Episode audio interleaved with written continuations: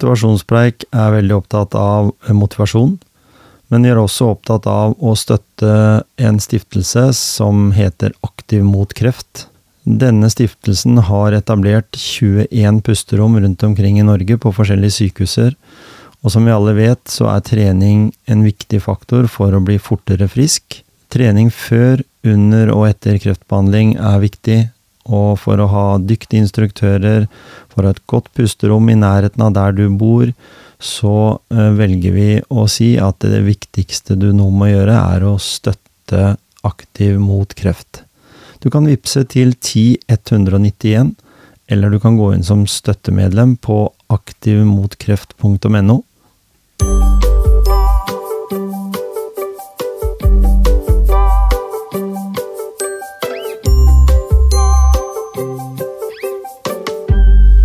Dagens episode i Motivasjonspreik, der har jeg snakket med Kristin Harila. Hun har satt uh, en fantastisk rekord. Faktisk uh, klatra 14 av de 8000 meters høye toppene, eller de over 8000 meter, på 92 dager.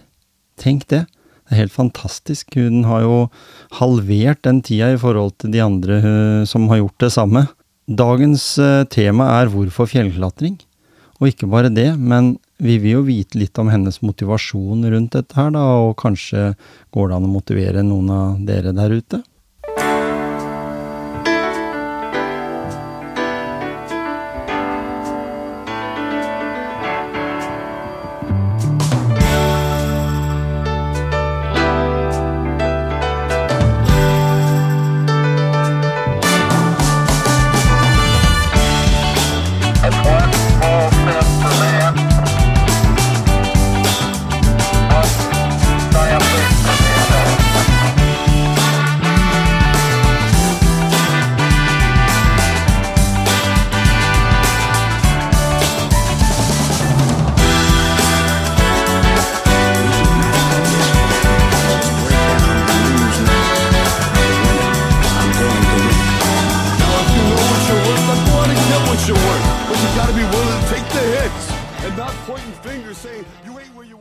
Kristin. Eh, takk for at du ville være med i Motivasjonspreik. Bare hyggelig. Du må fortelle litt, eh, for det lytterne mine da, de vet jo godt eh, hvem du er. For alle har jo fått med seg det at du har uh, klatra litt i fjellet, for å si det på den måten. Ja. litt mer enn det vi andre gjør. ja. Ja. Men eh, hva er det som på en måte har gjort at det blei fjellklatring, da? Hvis vi kan kalle det det? Ja, litt tilfeldig egentlig, men jeg er veldig glad i å være på tur og veldig glad i å være på fjellet. Ehm, Så det var jo egentlig det som er liksom hovedgrunnen til at jeg har eh, gjort det, da. Mm. Når, vi, når vi snakker om turer i Norge, da, så snakker vi om eh, Kanskje det er ikke en tredjedel engang av de fjellene du har klatra i. Når vi snakker om fjell over 8000 meter, så er det he helt andre forhold. For det er jo liksom litt sånn uansett hvilken topp i Norge du tar, så kan du klatre opp dit med tursekk og Kvikk Lunsj, kan du ikke det? I forhold.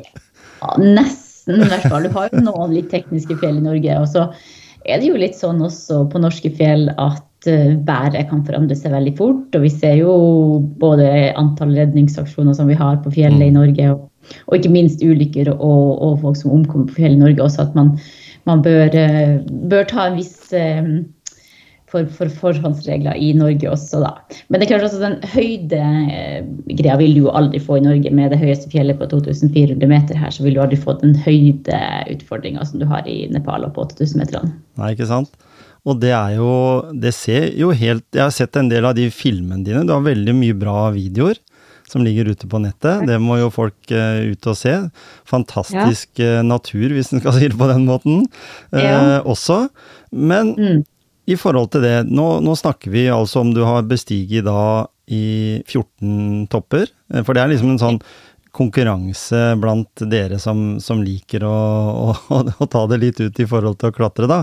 Så er det disse 14 toppene over Ja, for det er de, det er de 14 toppene over 8000 meter. Ja.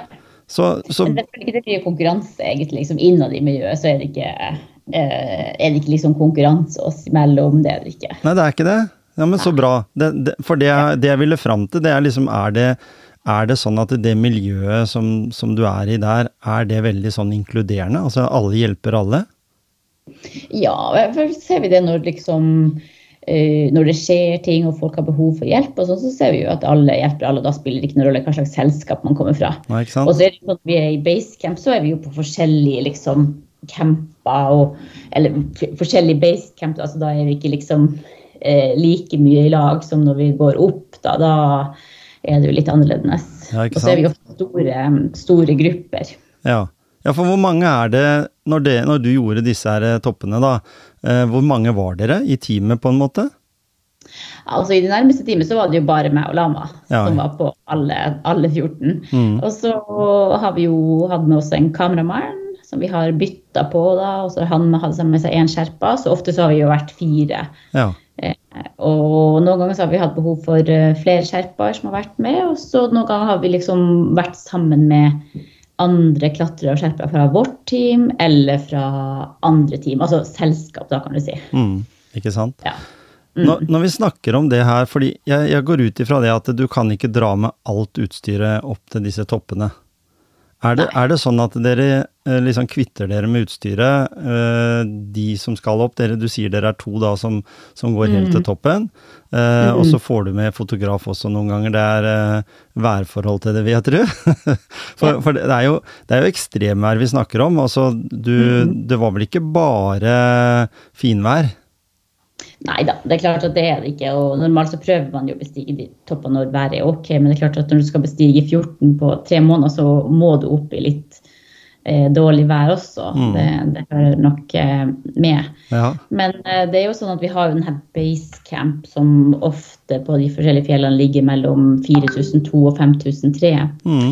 Så, eh, så lender vi jo på en måte hovedparten av utstyret vi har med oss der. ja. Og så tar vi jo med oss eh, selvfølgelig det vi trenger for å bestige fjellet eh, opp til camp 1 og til camp 2 og camp 3. Og så når vi kjører til siste topp, altså det siste pushet, da, så har vi jo betydelig mye mindre. Da trenger vi jo ikke telt og sovepose med oss. Nei, ikke sant? For da er det bare om å gjøre å komme opp og så, så ned igjen eh, der dere kommer fra. Ja. Litt om eh, din oppvekst. Du har vokst opp i Vadsø, ja. ganske langt nord. Når jeg nevnte det for en kollega på jobben, så sier han at eh, ja, han visste godt om den slekta di, for, den var, for han kommer sjøl fra, fra der oppe. på Og han uh, sier det at du, at dere er en slekt som er kjent for å være en aktiv slekt, da. Er det ikke det? Dere ja, liker det er det. Ja, Ja, vi er nok det. ikke sant? Og, og du har jo da vært sånn, hvis en kan kalle det arbeidsfør på vanlig vis, fram til 2019. Ja. Ja. Hva var, den, hva var det som motiverte deg da, for det må du jo ta her i motivasjonspreik, hva var det som motiverte deg til å plutselig si opp en jobb og velge å, begynne da å fokusere på det å, å nå disse her over 8000 meters eh, toppene? Ja, det gikk litt tid fra jeg slutta og til det, at det ble aktuelt med de 8000 meterne. Det, Ja. det var ikke planlagt når jeg slutta at det var det jeg skulle gjøre. Det var liksom som ble ut av de erfaringene som jeg gjorde imellom da på 6000 og 7000 meter og på andre turer. Så det kom litt, eh, litt etter hvert.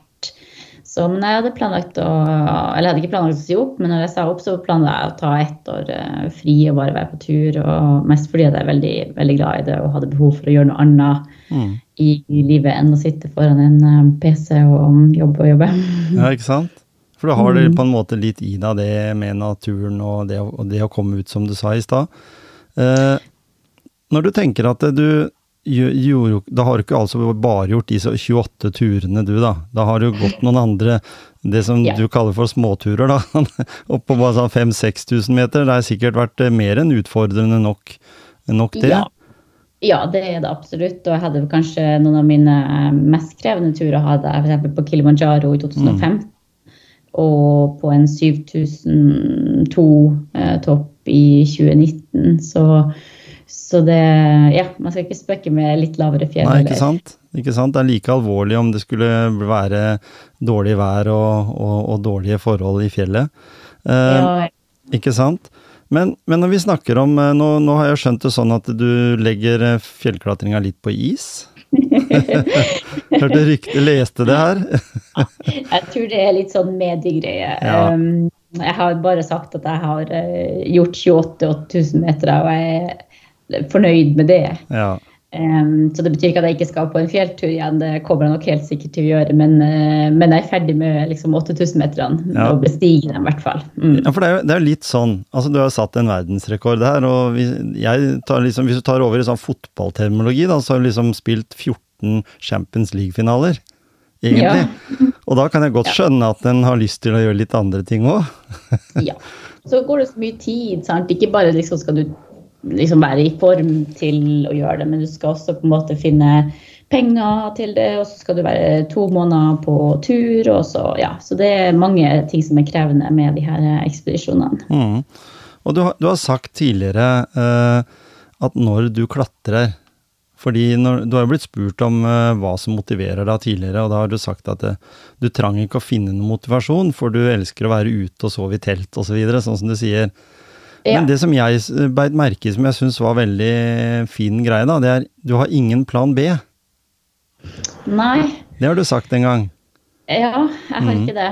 Um, og det, ja, altså, jeg har alltid liksom, Når du bestiger det fjellet, så vet jeg jo alltid at det er en mulighet for at vi møter på dårlig vær, eller at vi blir i dårlig form, sånn vi eh, på en måte må enten vente eller gå ned et, til, neste, til den campen vi kom fra. Da, at det er alltid en mulighet. Men mm.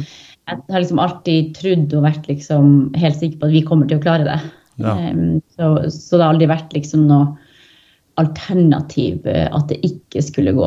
Jeg visste at vi kanskje må være fleksible og justere, liksom, men at vi, eh, vi kommer til å klare det. Mhm. Når jeg tenker på den setni- setningen 'ingen plan B', da, det blir jeg veldig motivert av. For da har jeg lyst til å spørre også om Tror det er flere mennesker, enten det gjelder idrett eller næringsliv eller hva det er, som veldig ofte faller på en plan B? da, At en, at en bør være mer modig og ha mer trua sjøl. Kan det stemme? At vi burde Ja, altså, jeg kjenner meg godt igjen i det sjøl også. fordi at hvis jeg ikke har 100% trua på det jeg driver på med, så putter jeg heller ikke ned den innsatsen som kreves for å nå det resultatet som man vil. da. Nei, ikke sant? Så det, trua er ekstremt eh, viktig uansett hva man driver Mhm. Og da blir det sånn som du også har sagt, at all kraft i en retning. Ja. Det blir jo litt det samme. Ja, det gjør jo det. Mm. hvis du liksom har en liten åpning for at det går ikke, eller for en plan B, for noe, liksom, så, så begynner man veldig fort når du møter på utfordringer, å, å svinge i andre retninger. Ja, ikke sant? Og, og, og de vi prøver eh, i podkasten å få opp av sofaen, de bare kikker ut vinduet og ser at nei, nå regner det litt, så nå tror jeg jeg blir inne. Men jeg, jeg, jeg, jeg må si det sjøl at de beste, noen av de beste opplevelsene jeg har, det er når det er eh, dårlig vær. Og så Ja. du kommer inn igjen da, liksom den godfølelsen du har da. Det er en god mestringsfølelse. Ja, det er det. Ja, og du har jo litt andre standarder å velge etter der, da, du som har vært eh, på noen tusen meter. Eh, jeg har lyst til å spørre, eh, hvordan føler du at du takler motgang? Jeg tenker ikke så mye over sånt. Jeg er veldig enkel um, Ja. i hodet mitt. Jeg tenker, ikke veldig mye på uh, hvordan jeg takler motgang, eller hva, om jeg gjør noe spesielt. Jeg, gjør ikke det. Eh, jeg gjør ikke noe sånn spesielt mentalt for å forberede meg. Um, jeg, jeg tror liksom på at jeg, lik, jeg driver på med ting som jeg liker å drive på med, Mm. og jeg er på det målet. Og så kompliserer ikke jeg ting sånn utenom det.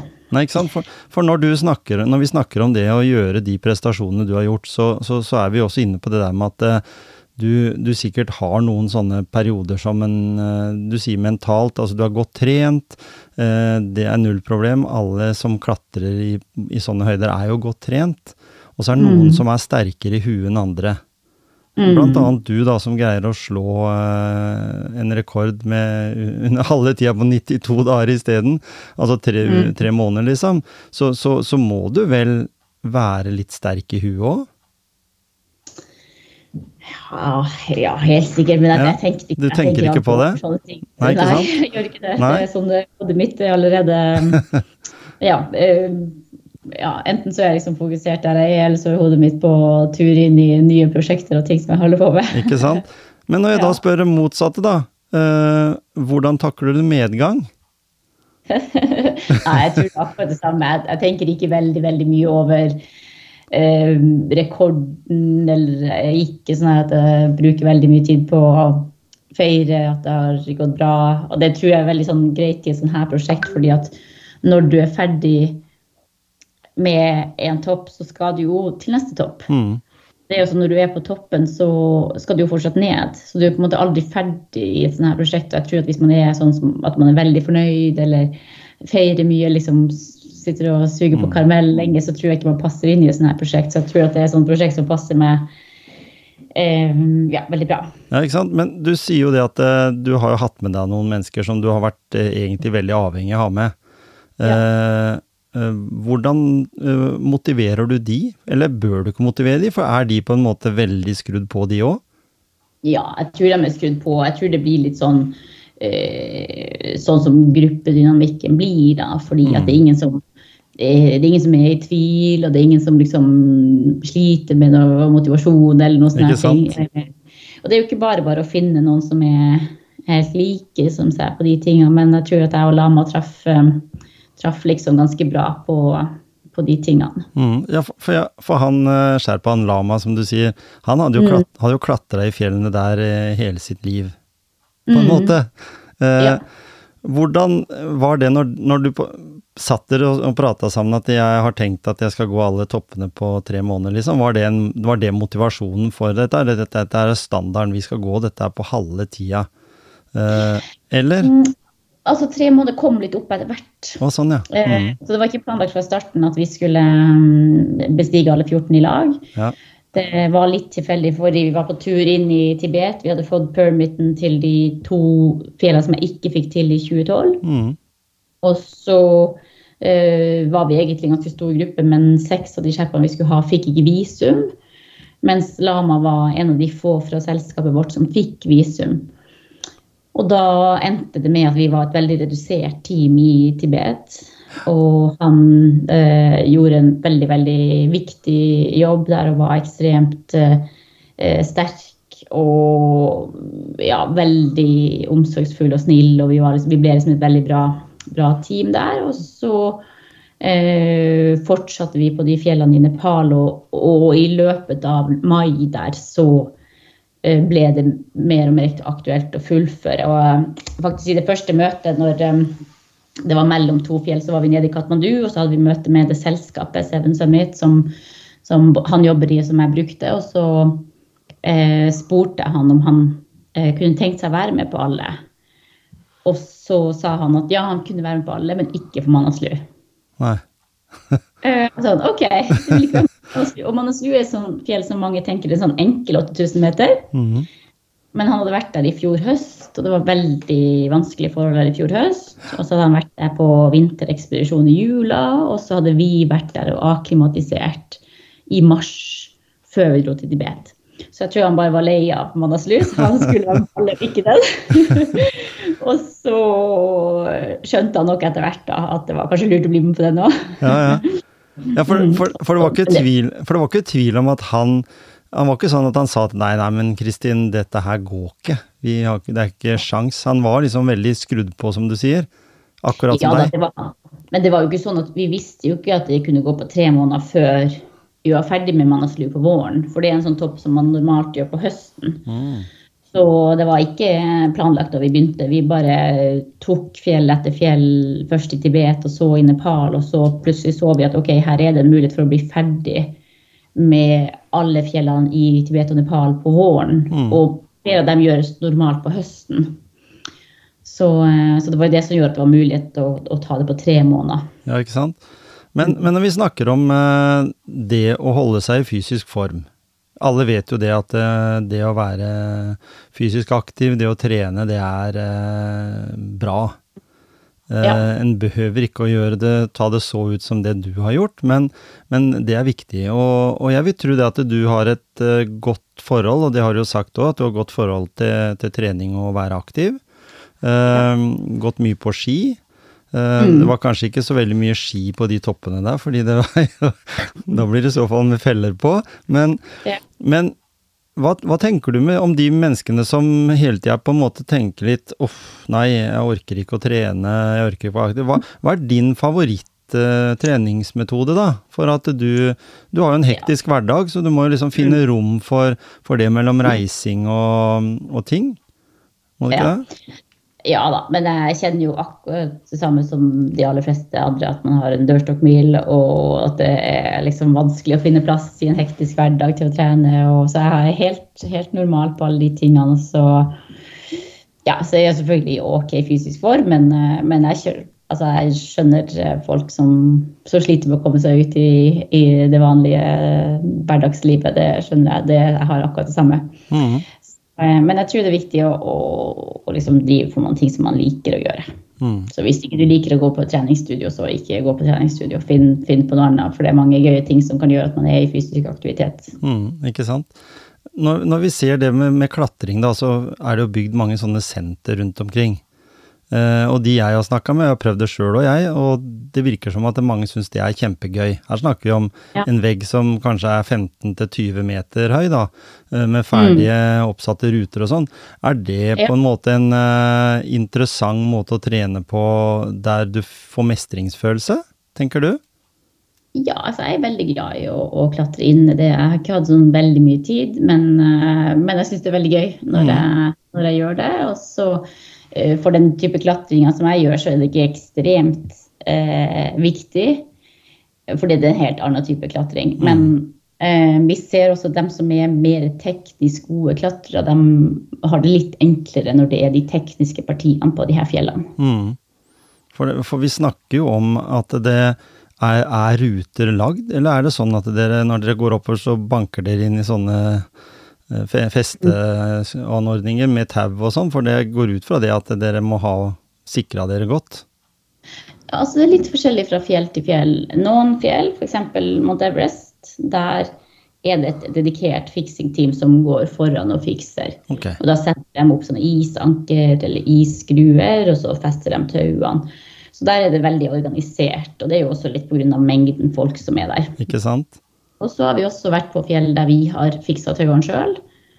Eh, stort sett så er det jo isskruer eller is, eh, sånne stenger som man slår ned i isen eller sneen. Mhm. Eh, og så er det jo noen fjell der vi har gått uten ferdig fiksa tau, at vi har gått med tau mellom oss. Sånn at én klatrer og den andre sikrer, og sånn klatrer man seg oppover. Mhm. Er, er det litt av det interessante ved å gjøre et sånt prosjekt som du gjør, at det er, er det en variasjon? For det er vel ingen av de toppene som du kan si av de 14 toppene som er helt like, liksom? Det er ikke sånn copy-paste-greier, det her? Nei, det er jo det er 14 helt forskjellige fjell, og vi Mm. ser jo også fra i år og så hvordan det var i fjor, så ser vi jo at det er ganske stor forskjell egentlig på fjellene. Mm. Fordi at forholdene endrer seg så mye i forhold til hvordan været er og ja, sneen og, og de tingene. Så det er ganske stor forskjell fra år til år også. Og så er det årstiden også, har jeg skjønt. At det er veldig forskjell. Noen topper kan du ikke klatre på enkelte årstider. Ja, du har jo monsun som kommer inn til Nepal eh, på sommeren, så da vil det være for mye nedbør til å bestige de fjellene. Så man bestiger jo fjellene i Nepal på eh, våren eller på høsten, og så dem i Pakistan, der bestiger man det på sommeren. Mm. Jeg har skjønt det at eh, nå blir det foredrag, nå blir det bok, nå blir det film. Ja. Eh, er det av samlet materialer fra turene dine? For det er jo laga dokumentarfilmer over han eh, ja, er ikke han fra Nepal, egentlig? Han som, eh, som har ligget ute på Netflix? Der han dek- du har laga en dokumentar som, Ja. som, brukte dobbelt så lang tid. Ja. Så Ja. fordi, som jeg sa her tidligere, veldig mye bra bilder. Vel, du får veldig god innlevelse i å se de filmsnuttene som ligger ute på YouTube, i hvert fall. Eh, er det det som er der, det Altså, er det dette som er materialet ditt? Ja, altså det er jo et sånt materiale som vi, som vi eier i laget, og sant? production. Mm, så Mm. det blir jo en film og, som vi jobber med, eller om det blir en film eller serie, det vet vi ikke ennå. Nei, Eller hvor vi sendte, vet vi heller ikke. Men, eh, men det, blir, eh, det blir noe i hvert fall. Det gjør det. så bra. For jeg vil spørre om hva Kristin gjør når hun lader. Jeg syns det er et veldig greit spørsmål. Hva, om du har noen Ja. metoder du sjøl bruker for å, for å lade? Ja, da enten så slapper jeg av med familie og venner, jeg er sammen med familie og venner, eller så trener jeg. Jeg syns det er veldig ja, laddende å få trent, Mm. syns jeg. Eh, Så det er stort sett det det går i. Og det vil si, når du trener da, hva Ja, gjør du helst da? altså, Nei, det trenger ikke å være sånn ren type trening. Eller jeg kan godt bare gå på tur og eller dra ut og fiske, eller dra på sjøen med tantebarna, eller, Ikke sant? ja, eller gå på tur, eller det kan være helt vanlig. Helt vanlige ting.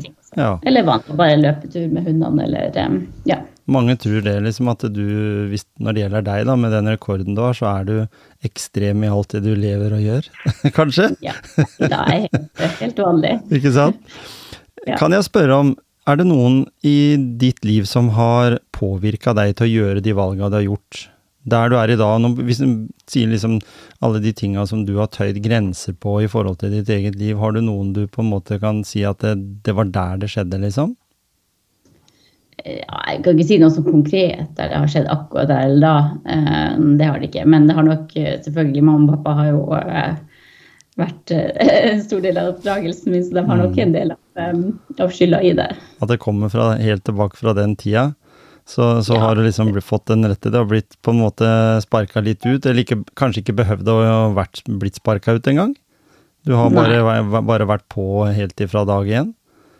Ja, jeg tror det. Men det er litt sånn periode, altså Livet går jo litt i, i perioder, og perioder så har ting vært eh, De tingene har vært viktige, andre perioder så har andre ting vært viktige. Så ja, så jeg tror ikke det er sånn eh, Jeg tror ikke det er så svart-hvitt, da. Nei, ikke sant? Men du har, vokst, du har jo vokst opp et sted som er forholdsvis lite, en liten plass. Mm, mm. Hva, hva tenker du om det med at de som gjør ekstreme ting Vi har jo idrettsutøvere i dag, sånn som Karsten Warholm og, og egentlig til og med også Ingebrigtsen-familien, som kommer fra ganske små steder i, i Norge, da. Eh, Ja. Er det på en måte noe som gjenspeiler? Altså, vi kan jo ta Marit Bjørgen og sånn òg, som kom liksom fra en liten gård opp i toppen av en bakke, Ja. liksom. Eh, hvordan, hvordan på en måte påvirker det? Du gikk jo på et sånt skigymnas, var det, stemmer det? Ja. Er vi flinke i Norge til å gi alle de samme muligheter? Tenker du det? Jeg tenker det er veldig vanskelig å si. Jeg, eh, jeg, tror, jeg tror det er litt sånn forskjellig fra plass til plass, og litt sånn tilfeldigheter som, som avgjør eh, de tingene. Så eh, ja, jeg tror det er vanskelig, vanskelig spørsmål å svare helt konkret på. Ja, for- det er jo en del, det er jo en del uh, der ute, amerikanerne spesielt, da, de, de er veldig opptatt av liksom, hva, de kan få, hva vi kan få til her i Norge. da. Fra, fra ganske små plasser og, og sånn. Du behøver liksom ikke være fra de store byene eller noen ting. Det er liksom, så det er, det er noe de sier at en kan skape gull ut av veldig lite. Ja. Er det Ja motivasjon det går på? Er det, er det oppvekst, motivasjon og, og det, det livet en, en har i Norge som er ganske sånn bekymringsfritt på en måte, som kan liksom utfolde seg, eller er det, er det bare at vi klora oss fast her i, i, i verden? Ja, det er vanskelig å si. Ja, veldig vanskelig å si. Jeg tror det er liksom forskjellig fra idrett til idrett. Men jeg tror ikke det er noe tvil om at vi er veldig privilegerte i Norge på mange, mange måter. Selv om vi ser at det er utfordrende tider for, eh, for mange i dag også. Ja, for tenker du at sånne ting som skigymnas og, og sånne ting er, er en bra greie for, for Norge? Det, det gjelder jo også sånn type idrettsgymnas, da, relatert til at du kan spisse deg inn mot en idrett og, og bli god. Andre jeg har snakka med i podkasten, sier jo ofte det at eh, ja, det var takket være liksom toppidrett som vi har i Telemark, da, eh, til Ja. at jeg blei en god skiløper, eller jeg blei en god fotballspiller, eller, eller håndballspiller. Er det en Ja. viktig greie, tror du? Ja, det er det helt sikkert for, for mange. Eh, Nå gikk jeg på langrenn, og jeg ble ikke noe, akkurat noen langrennsløper, men, eh, men det har helt sikkert vært, vært bra for mange at man har eh, ja, tilbud, da.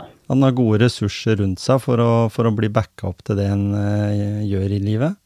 Ja, helt sikkert. Du, du må jo ha spesielle evner da, Kristin, i forhold til det at du øh, Du blei jo ganske raskt toppleder i Skeidar. Altså langt opp i systemet, i hvert fall.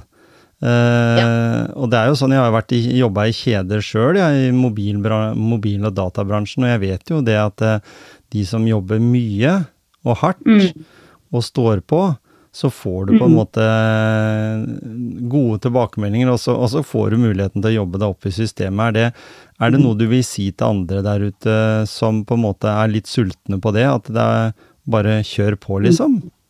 Tenker du? Ja, jeg tror at man, hvis man skal lykkes med, med ting i livet, så jeg tror jeg det er en fordel i hvert fall å putte ned en viss innsats i det. Selv om noen liksom kan flyte ganske langt og lenge på og bare på talent, så tror jeg Mm. liksom de fleste som har drevet med idrett eller, eller nådd høyt opp i, i, andre, altså i næringslivet eller andre sammenheng, så tror jeg de vil si at de har jobba hardt for det. Mm, absolutt. Det er mye hard jobbing. Eh, Eh, er du fornøyd med Du snakka om her tidligere, det var forrige gang du forsøkte å, å klatre, så så jeg en, en, et intervju du var med på, der at du, det var vanskelig for dere jenter å, å få sponsorer. Det er det vel kanskje ikke lenger, eller?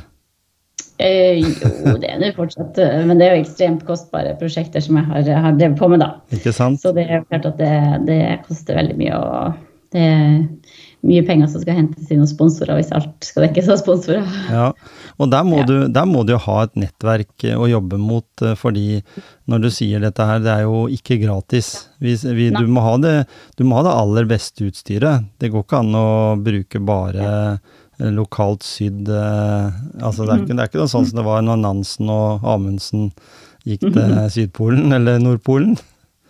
Nei, det er klart det har endra seg mye i forhold til eh, utstyr og sånn. Det, det har det. Så det er klart man må ha, ha bra utstyr, og ikke minst kjenne utstyret sitt og vite hvordan man skal bruke det hvis man skal gjøre sånne her ting. Mm, er, det, er det lang utprøving?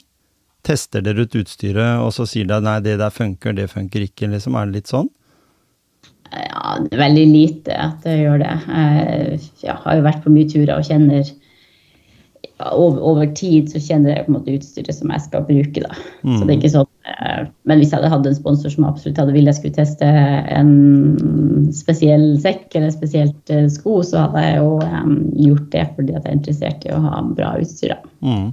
Jeg, hadde, jeg hadde en som eh, spurte meg om det når, når jeg sa at jeg skulle ha deg på podkasten her, at eh, er det mobildekning på Mount Everest? Eh, nei, det er det ikke. Eh, vi kjøper lokalt SIM-kort i Katmandu, og så eh, prøver vi eh, ja, å bruke det. Og så når vi kommer til Basecamp, så er det satt opp eh, eh, sånn wifi til hver camp, eller til hver, hvert team, da. Og Ja. så når vi kommer høyere opp, så mister vi jo det selvfølgelig, og da er det ikke noe dekning før vi kommer ned igjen. Ikke sant? Så det er helt uten dekning når du kommer på toppene der. Ikke, Ja ikke er det muligheten til å bli henta noe flyvende transport heller, for det er vel for høyt for det òg, er det ikke det? Ja, det kommer litt an altså hvor du får hente hvem Everest, så kan du bli henta i camp 2 av helikopter. Ja. Der har vi jo ofte radiosignal med basecamp. Det har vi Mm. stort sett på hele turen opp. Og så har vi jo med oss satellittelefon og GPS-tracker som vi også kan sende melding fra. Sånn hvis det skjer noe. Ja. Så det er, det er bra med teknologi i forhold til det Ja. å, å, å klatre. I, for, I forhold til mange av de som kanskje klatra før, da, så, så er det mye lettere på en måte å både kommunisere, men også Mm. ikke, bli, ikke bli borte på veien. ja, det er viktig, det. De nye motivasjonene du har da i livet De nye motivasjonene. Ja, hvordan du tenker framover nå, da. Hva, hvor er eh, Kristin Harila om fem år? Ti år? Ja, det, det er ikke helt akkurat ennå, men, eh, men jeg jobber med noen prosjekter som jeg ja, skal gjøre. Selvfølgelig foredrag og bok og film blir det. Og så kommer jeg til å fortsette å jobbe mot at det skal bli mer likestilt. eh, Både selvfølgelig i fjellklatring, men også i andre eh, idretter. Mm. Så ja, så det er det som kommer til å eh, ta tida i årene fremover, tenker jeg. Ja. ja, for det er viktig det som du sier, det at en får lik, lik mulighet. For Ja. dere jenter er jo på en måte, hvis en ser det sånn, er jo mer Det har jeg sagt det mange ganger i podkasten, og dere er jo mer ekstreme dere enn oss gutta. Hvis dere først bare går inn for det, så, så, så har dere jo ikke noe problem med å levere. Verken Jeg ser jo Jeg har jo hatt eh, en som heter Elin ofte med her, og, og hun eh, driver noe som heter Sportsjenten, og de jentene der, de løper jo trill rundt gutta.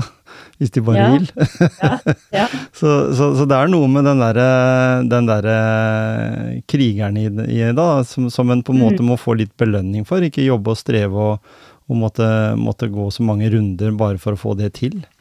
Ja. Uh, Tror du når du sier det at, uh, at den har på en måte blitt litt bedre? Du ser på fotball, en ser på en del idrett og sånt, så har jo så har de fått mye større plass, men det er fortsatt en lang vei å gå, da. Det er det jo.